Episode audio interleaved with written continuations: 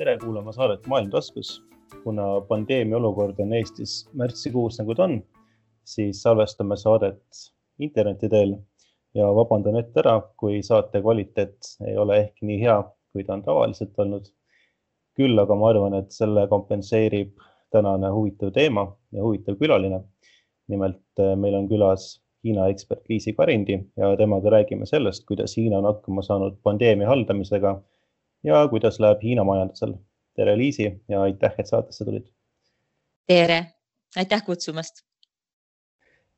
selle saate eellugu on tegelikult see, et ähm, umbes kuu aega tagasi me salvestasime Postimehe teadustoimetaja Kaur Maraniga äh, saate üldisest ähm, koroona olukorrast ja siis sellest, kuidas äh, vaktsiine välja töötatakse ja nii edasi. ja siis äh, Kaur märkis oma saate lõpus, et äh, ta luges Eho Moskvast ühte huvitavat lugu selle kohta, kuidas Hiinas on siis ühiskond kõik lahti, käivad basseinipeod ja majandus kasvab mühinal. ja siis noh, see oli nii-öelda selline natukene hoiatav näide nüüd selle kohta, et kui meie istume siin pandeemia augus endiselt siis Hiina võib lihtsalt minna väga suuresti eest ära. ja no loomulikult ma ei saanud jätta kasutamata head võimalust ja mõtlesin kohe, et oleks väga õige ja huvitav sellel teemal saade teha. et eh, kui nüüd pihta hakata, siis võib-olla alustamegi sellest, et, et mis seal Hiinas siis õigemini toimub, et, et kui avatud see ühiskond praegu on ja milliseid meetmeid selleks kasutatakse, et seda ühiskonda avatuna hoida no hakkame võib-olla algusest päris peale, et kui see äh, viirus äh, Hiinas levima hakkas, siis Hiina valitsus ju väga kiiresti tegelikult äh, lokaliseeris selle ära ja ei lasknudki sellel Hiina-siseselt sel, sellisel viisil levida, nagu ta avatud läänemaailmas tegelikult levis pärast. ja väga kiiresti suutsid hakata piirama inimeste liikumist ja seega jäi ka nende Äh, leviku äh, mastaap lihtsalt palju väiksemaks, kui äh, noh, ütleme, ta oleks muidu võinud olla, kui, kui oleks saanud kiiremini levida Hiina-siseselt ka onju. et noh, see, et Hiinat süüdistatakse, et see, et Hiina ei suutnud ära hoida selle viiruse maailma levimist, see on juba teine teema, aga Hiina-siseselt tegelikult nad suutsid selle väga kiiresti ikkagi ähm, ära määratleda ja kontaktid kõik tuvastada ja väga karmide meetmetega inimesed nii-öelda lockdown'i panna ma just eelmine kord olen rääkinud, et, et noh, see tundus meile algul niisuguse väga autoritaarse süsteemi viis, aga noh, nähes, mis Itaalia tegi peale seda ja nii edasi ja neid lockdown'e. no Eestis me oleme ju väga vabas keskkonnas ja ühiskonnas veel äh, isegi lockdown'ide ajal siin olnud, aga päris paljud riigid on ju sarnaselt karme meetmeid peaaegu kasutanud, et kuidagigi seda viiruse levikut äh, piirata ja noh, Hiinas on need veel veits karmimadki olnud kui, kui, kui vabamas läänemaailmas ja see tähendab seda, et, äh, et neil oli see niisugune väga raske periood äh, ära. Nad on muidugi siiamaani veel välismaailmale kinni, sest noh, suurem osa äh, juhtumitest, kust jälle koroonat avastatakse, on ikkagi nende puhul siis importitud äh, juhtumid, et niisugust siseriiklikku laialdast levikut äh, tõepoolest enam ei ole olnud ja inimesed on hakanud seega siis jah, tagasi pöörduma niisugusele tavaelu suunas. noh, mõnes, mõnes mõttes muidugi ei ole see kunagi enam seesama elu, mis oli ennem koroonat, et seda ma arvan, et äh, me näeme igal pool, et, et inimesed on natukene ettevaatlikumad et käiakse küll väljas, aga ei taheta minna võib-olla nii täis äh, puugit, äh, puugitud ruumidesse, et äh, vaadatakse, et rohkem olla värskes õhus ja hoida distantsi mingil määral sest oleme ausad, ega ka Hiina ei tunne ennast turvalisena, hiinlased, kuni ei ole lõplikult mingit äh, immuunsust saavutatud, siis ütleme karjaimmuunsus, kas siis vaktsiini läbi ja selleni me kindlasti jõuame ka veel, et, et mis on nende need valikud, et äh, kui nad on nii tublid olnud viirusest hoidumisel, siis äh, tegelikult äh, jah, see vaktsineerimine ongi see, mille järgi, millega nemad saaksid ju selle immuunsuse saavutada ainukesena. Ja, aga tegelikult ma arvan, et liigumegi sinna vaktsineerimise juurde, et noh, ma olen näinud ka loomulikult interneti teel, et et tänavatel on ilusad pildid sellest, kuidas äh, noh, vanemaealised inimesed teevad äh, tänavatel tervisvõimlemist ja, ja kõik on nagu väga tore. aga samas on ka ju väga palju kriitikat selle osas, et Hiina ei ole suutnud väga kiiresti oma elanikkonda vaktsineerida. No loomulikult, nagu sa rääkisid, siis võib-olla üks põhjus on ka see, et ei ole sellist karjuvat vajadust, nagu meil on. aga teistpidi jällegi on seal taga ka teistsugused valikud. noh, näiteks see, et kellele neid toodetud vaktsiine pakkuda, et kas äh, neid süstida enda kodanikele või viia välismaale? kindlasti on see eesmärk ikka äh, enda kodanikele ka süstida, et neil on ju niikuinii veel praegugi äh, need vaktsiinid, noh, nad saavad seda süstida teatud vanusegruppidele ainult, et nad nii vanematele ei saagi, et nad on siin praegu alles vist kaheksateist kuni viiskümmend üheksa vanusegrupi juures. Ja seal nad on ka väga huvitava, noh, kui meil on just, et meil on nagu kõik need äh, haavatavamad grupid äh,, tähendab vana, vanurid äh,, mingisuguse eelneva haigusega inimesed ja nii edasi on nagu ees eh,, eesrinnas siin vaktsineerimisel, siis neil on just vastupidi, et kuna selle vanema generatsiooni peal nagu alles testimine käib, on ju, et äh, kas üldse saab neile niisuguselt laialdaselt seda vaktsineerimist teha, siis nemad on äh, praegu võtnud äh, eesmärgiks ära siis vaktsineerida nooremaealised, kes siis on kas eesliinil kuskil, noh, on kas näiteks teenindussektoris, räägitakse siin Pekingis taksojuhtide vaktsineerimisest ja või siis ütleme, et kes tööta, töötavad valdkondades, kus on just välismaalt tulevate inimestega palju kokkupuudet, sest noh, nagu ma ütlesin, et Hiina jaoks on see väga tihti ka just juhtumid, mis tulevad nagu väljaspoolt Hiinat või siis äh, muudes sellistes valdkondades, et noh, samamoodi kindlasti eesrinda inimesed on ju, aga neil on veel huvitav äh, juhtum juhtunud, et üks asi on see, et neil ei olegi seda vaktsiini sellises koguses praegu ju olnud võimalik äh, tarbida, sest äh, eks neil see tootmine on ka, me kindlasti räägime sellest ka natukene veel omamoodi äh,. noh, pole jõudnud võib-olla kõige järele aga teine pool on ju see, et ka päris palju inimesi veel äh, ise ei soovigi seda vaktsiini, et kuna seda ei ole igal pool kohustuslikuks tehtud, ta on kohustuslik kohati riigi omandis olevates ettevõtetes, aga aga päris palju, see on just vabatahtlikkuse alusel võimalik seda vaktsineerimist endale siis äh, lasta teha, et, et seal inimeste seas on endiselt väike niisugune skepsis üleval, et kui nad üldiselt on nagu nõus selle vaktsineerimisega põhimõtteliselt, siis päris paljud ütlevad, nojah, et vaat, et ma veel natuke ootaks, et ma kõigepealt vaataks, et äh, mis te,, kuidas teistel läheb. Ja siis alles mõtlen, et kas ma ise ka lasen ennast vaktsineerida ja praegu ei ole ju et just see mõtteviis, et ah, praegu ei ole ju mingit erilist vajadust, et meil on, Hiina on ju kindel koht, et meil siin see ei levi nii väga ja et see nagu tegelikult hoiab ka inimesi tagasi, et nad ei tahagi praegu seda vaktsiini saada vot see skeptilisus on huvitav, sest äh, saadet ette valmistades ma komistasin ühe küsitluse otsa äh,. küsitlus oli tehtud siis uuringufirma YouGov poolt ühes Hiina provintsis ja ja sealt selgus näiteks selline asi, et ainult kolmandik tervishoiutöötajatest arvab, et nad tahavad ennast Hiina vaktsiiniga vaktsineerida. kuidas sa nüüd hindad seda, et, et kas see on siis äh,, lähtub sellest, et ei ole erilist vajadust või see lähtub ka näiteks äh, mingisugusest äh, noh, üldisest usaldamatusest äh, võib-olla keskvõimu osas, sest me teame, et tegelikult ju Hiina vaktsiinitootjad ei ole avaldanud täielikke kolmanda katsefaasi tulemusi, et, et mis kombinatsioon võib seal taga olla? kindlasti seesama, et äh, kõigepealt vaataks, mis teistega juhtub ja siis äh, võib-olla laseks endale ka süstida. et just seesama niisugune jah, skeptilisus või niisugune usaldamatus või, või, või jah, niisugune mittetahtmine ja kuna tõesti ei ole seda survet, et kui see noh, nii nagu teistes ühiskondades ei jää midagi üle, et et, et siin on ähm, lihtsalt vaja, et selleks, et me saaksime tavapärase elu juurde naasta, on äärmiselt tähtis, et et eriti just eesrindetöötajad ja eesliini töötajad, et nemad just laseks ennast vaktsineerida, siis seal isegi nende puhul see vajadus on palju väiksem ja, ja keegi ei taha ju olla see nii-öelda see katsejänes, kelle peal siis äh, testitakse. et eks seal on lihtsalt see hästi inimlik, et nad samamoodi natuke nagu Saksamaalgi võib-olla see on probleemiks olnud ja nii edasi, on selle vaktsiini suhtes skeptilised. aga räägime natukene nüüd sellest ähm, basseinipidude aspektist nii-öelda, et äh, ma vaatan, et Hiina majanduskasvu prognoosid näitavad äh, päris astronoomilisi numbreid. no loomulikult siin äh, sõltub ka sellest, et millega võrrelda, et, et kui võrrelda eelmise aastaga, siis see on loomulik. Aga isegi kui võrrelda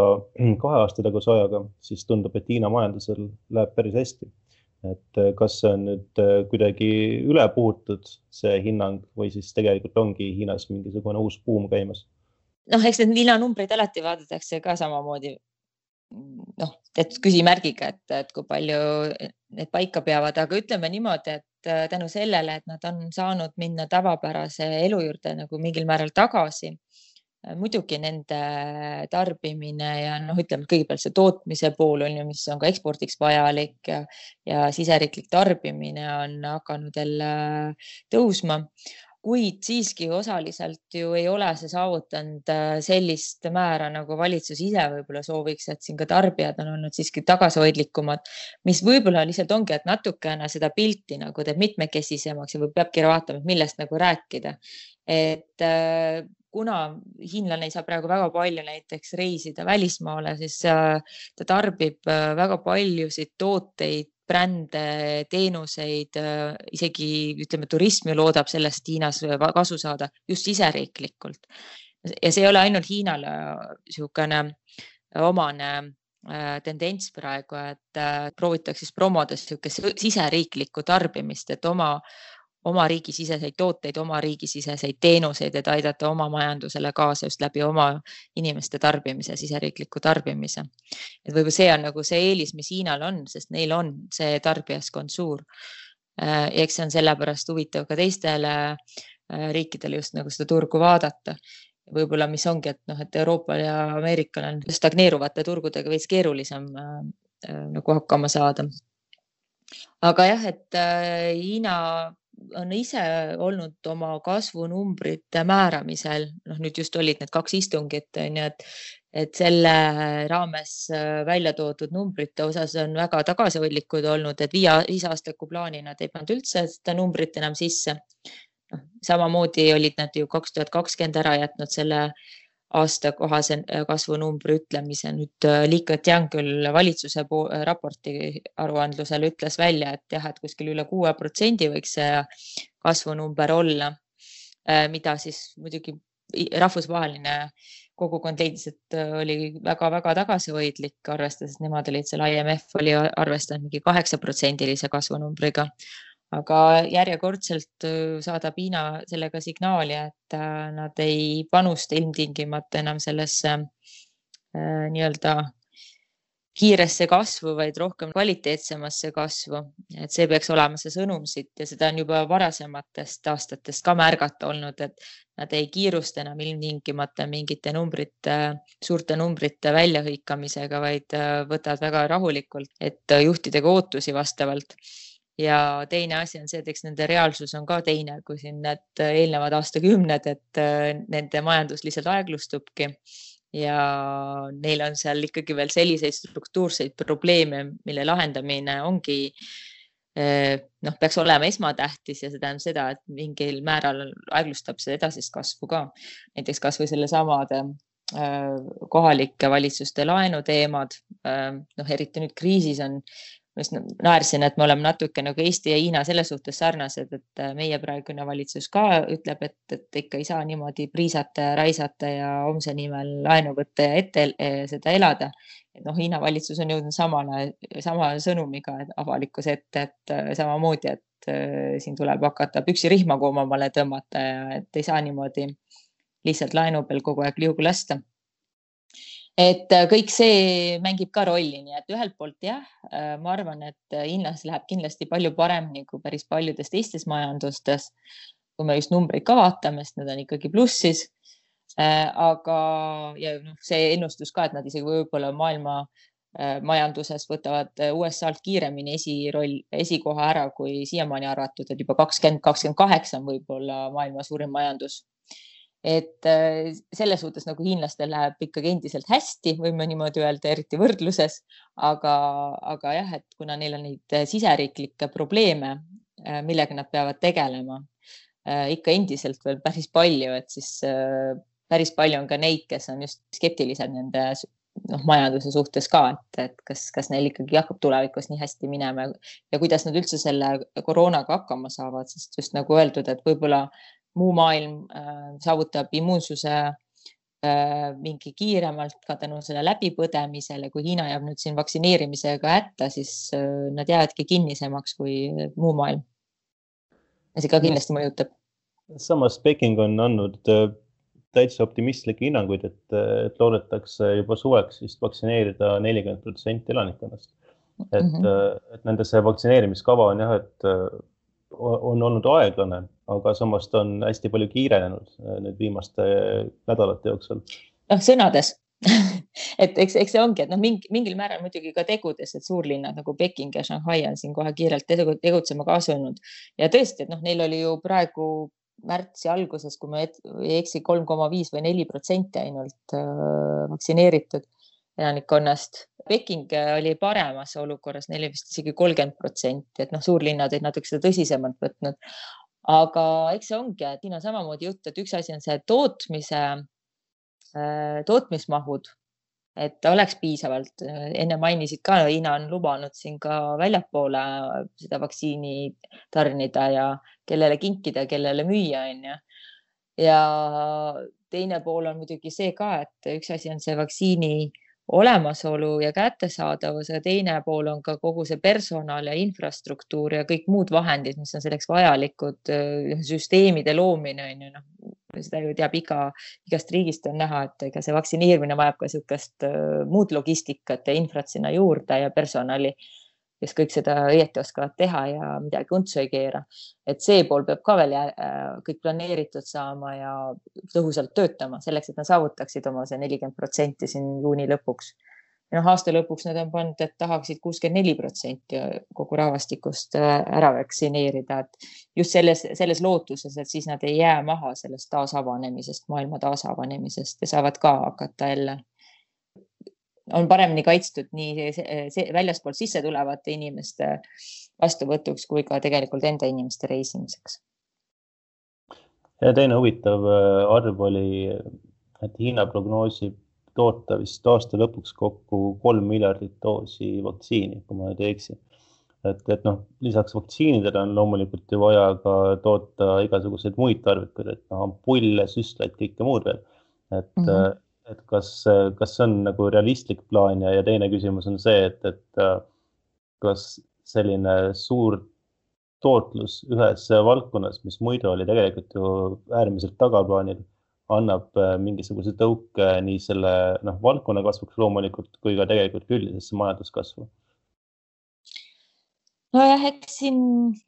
need Hiina vaktsiinid on ka natuke teistsugused kui äh, siin lääne vaktsiinid, et neid, mis on siin soodsamad, neid peab ka mitu korda, kolm korda siin äh, süstima jah, et seega sa kujutad ette, et kõike seda muud kraami sinna juurde läheb ka kordi rohkem, on ju et mis on kõige soodsam, mis on väljaarendamisel. Äh, aga selles suhtes, et Tiina on ju varem näidanud, et noh, on kaks asja, ma arvan, et ühelt poolt, et kindlasti see võib-olla ei lähe nii optimistlikult nagu planeeritud või siis tuleb kohati viga, noh, kohati lonkab mõnda jalga, äh, kui valmis saab.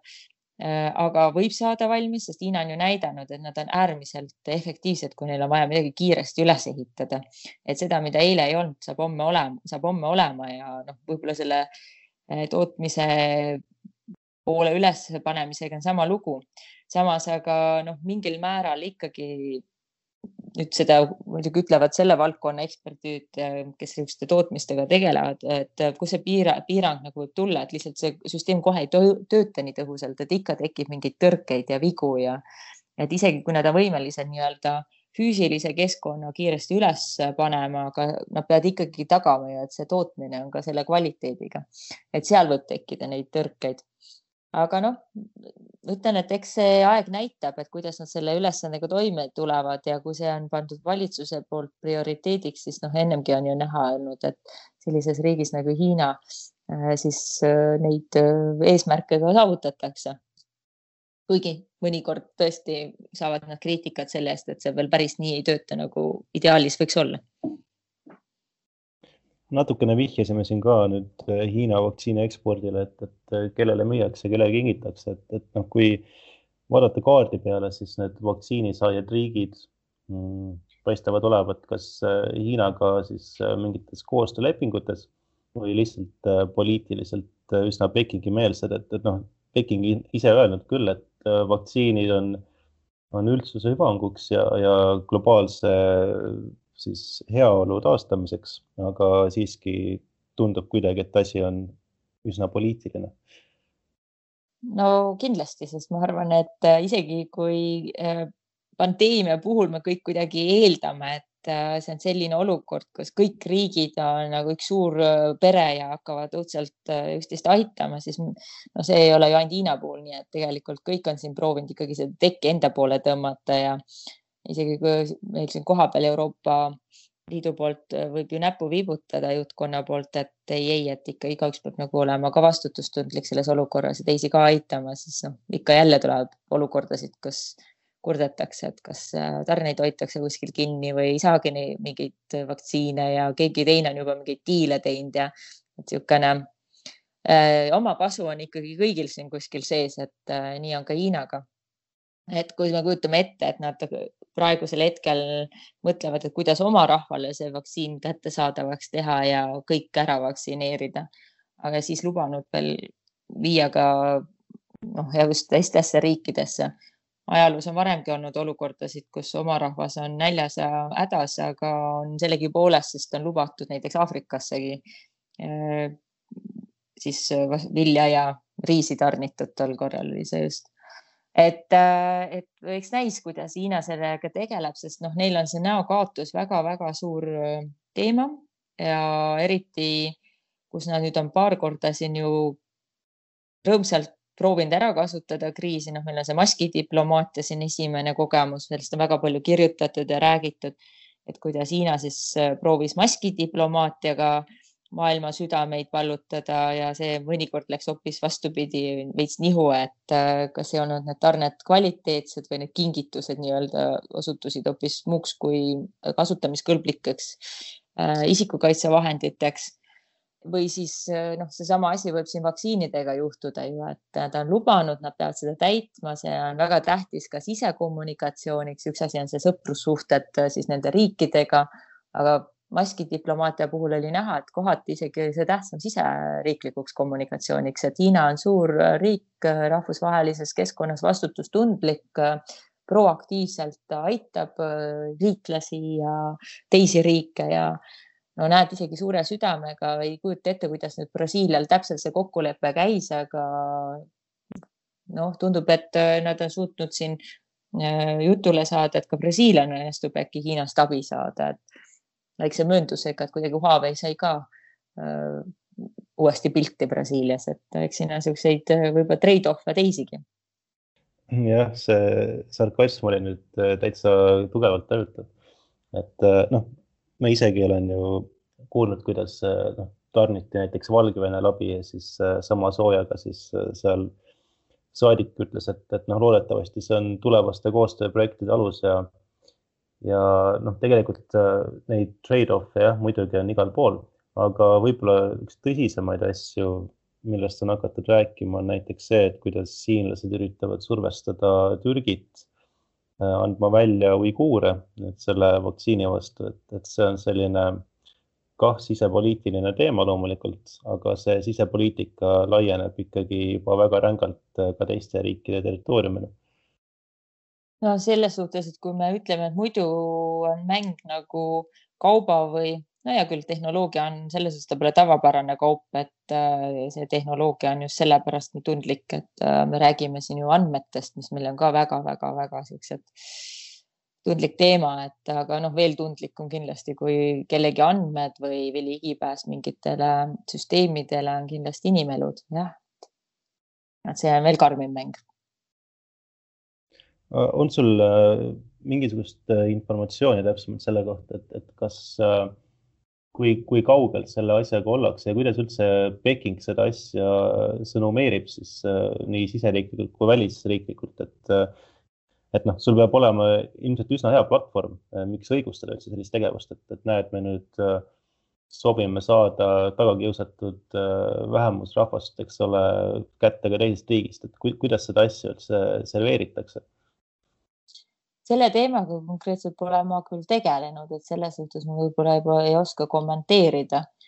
aga noh, mis ma vaatan, et siseriiklikult üldine niisugune taust on ikkagi on üldiselt näidatud oma rahvale, et Hiina on väga hästi saanud sellises globaalses pandeemia olukorras hakkama ja et, et nende süsteem on ülemlik nagu just sellepärast, et kui muu maailm näed, ei saa isegi oma, ei suuda kontrollida selle viiruse levikut, ei suuda seda piirata, ei suuda seda surmade arvu kuidagi nii-öelda kontrolli all hoida, et siis näete, Hiinas on siin kõik ikkagi toimib ja kontrolli all ja neil on see võib-olla arusaam natuke teistmoodi, mis tähendab positiivne kontroll või sihuke kord nii-öelda nagu nemad seda ütlevad, et neil on kord majas, onju. Et võib-olla see on jah, meie, meie jaoks hirmutav, aga nende jaoks kuidagi rahustav. et võib-olla see erinev niisugune vaade ja muidugi oleneb jälle, et kes sa ka ise seal selles äh, kontekstis oled, et kui sa oled äh, Pekingis elav hiinlane, siis sinu jaoks ongi kõik korras. aga et seda kommunikatsiooni võiks ikkagi nimetada pigem siis äh, probleemi nagu vaiba alla peitmiseks, et, et noh, täiesti avalik see kommunikatsioon seal ju ei ole. Kasvõi vaatame nüüd näiteks, mis puudutab ju noh ilmselgelt ju viiruse algust, eks ole, ja noh, teine asi on ju nüüd palju poleemikat tekitanud äh, Maailma Terviseorganisatsiooni visiit näiteks äh, Hiinasse, mis mm -hmm. samamoodi ju noh, tundub, et äh, toimus väga range järelevalve all ja kes üldse mida võis näha või mida öelda seal. Mhm. no ma arvan, et ega see vist kedagi palju ka ei üllata, et, et ma arvan, et täna on ju noh ikkagi üldiselt see arusaam, et Hiina toimib teistmoodi ja palju äh, varjatumalt ja päris palju infot seal kohapeal, see ei levigi, noh, polegi võimalik levitada, tsensuur selle lihtsalt maha võtab. et see on juba, ma arvan, üldteada. Hiina ju ise toodab äh, praegu vist, kui ma ei eksi, on neil kasutusel kolm vaktsiini ja lääne vaktsiine nad minu teada vist ei plaani kasutusele võtta hetkel on jah sedasi, et nad vastupidi proovivad ikkagi oma vaktsiini hoopis äh, ka teistele riikidele nagu peale suruda, et siin ongi küsimus olnud, et kas see uus äh, reegel, mis siis äh, lubab naasta Hiina väljaspool elavatele, kas siis välismaalastele või väljaspoole jäänud kodan-, noh, kodanikena muidugi saad minna, aga ütleme, väljaspoole jäänud siis pereliikmetele ja nii edasi, et et kes siin tahavad äh, tagasi minna Hiina, et äh, neile nüüd ava, anti võimalus, et nad võivad äh, tagasi reisida küll jälle nende karantiinireegleid ja muid arvestades, aga muuhulgas peavad nad nüüd ette näitama ka, et nad on vaktsineeritud Hiina vaktsiiniga. ja see on muidugi tekitanud küsimust, et kas see on siis ähm, uus viis, kuidas Hiina proovib siis oma vaktsiini teistes riikides ka kuidagi äh, nii-öelda aktsepteeritud saada et ka teised riigid peaksid hakkama siis Hiina vaktsiini pakkuma selleks, et äh, need, kes tahavad sealtpoolt Hiina tagasi liikuda, saaksid siis seda äh, süsti endale lasta seal teha vaktsineerimist lasta seal teha. et see on jah, niisugune väga huvitav käik. mismoodi see olukord peaks nagu reaalses maailmas töötama, et, et no me ju teame, et, et lähiajal ei ole mitte mingisugust võimalust, et Euroopa Liitu tulevad Hiina vaktsiinid, noh, tähendab, kui nüüd välja jätta need riigid, kes siis omapäi, eks ole, võtavad kasutusele mm. -hmm. et, et, et, et noh, muidugi me võime mõelda umbes, et, et kui nüüd tahta minna Eestist Hiina ja kui selline korraldus jõustub, siis et äh, mis see tegevus. ta on juba üleval, see, see on juba tegelikult Hiina saatkonna veebilehes üleval täiesti. Äh, et kes on huvitatud, võib lugeda, et äh, jah, viieteistkümnendast märtsist on niisugune reegel siis kehtib, et äh, see on selles suhtes jah huvitav, et kus siis sa peaksid siin Eestis selle süsti saama, et, et Hiina taasta, et tegelikult see on ju võimatu, et siis ongi küsimus, et kas see on siis, et Hiina on nii-öelda paberil nagu ennast avanud, nii nagu ka Euroopa Liidu äh, kaubanduskoda Hiinas on seda siin käinud rääkimas ja proovinud nagu business või ärikogukonna heaks nagu korraldada et kas see siis oli niisugune käik, et näete, me tegime ju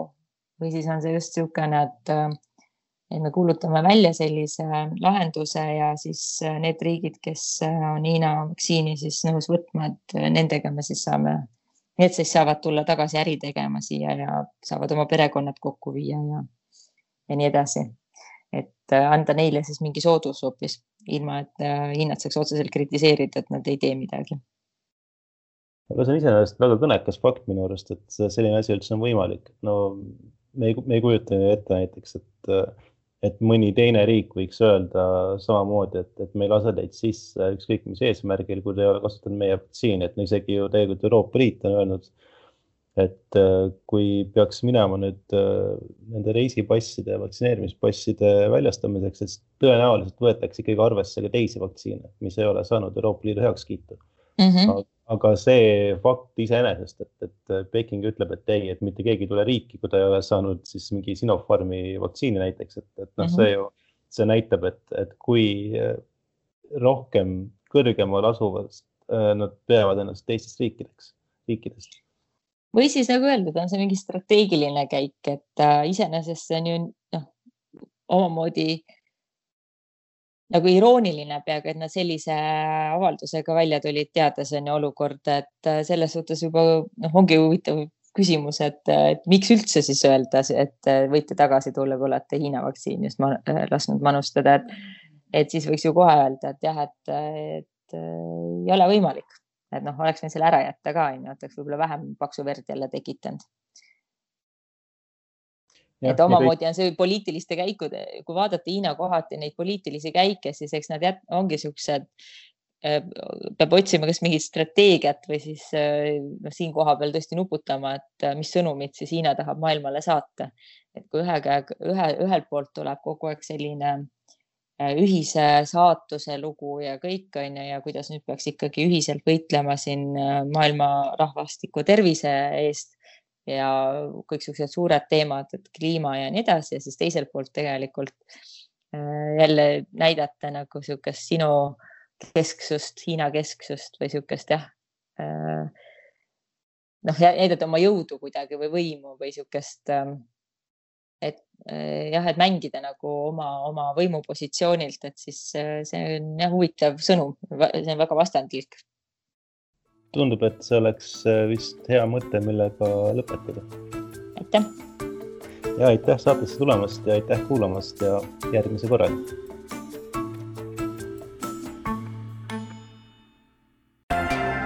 kogu saade on kuulatav Postimehe digipaketi tellijatele veebilehel podcast.postimees.ee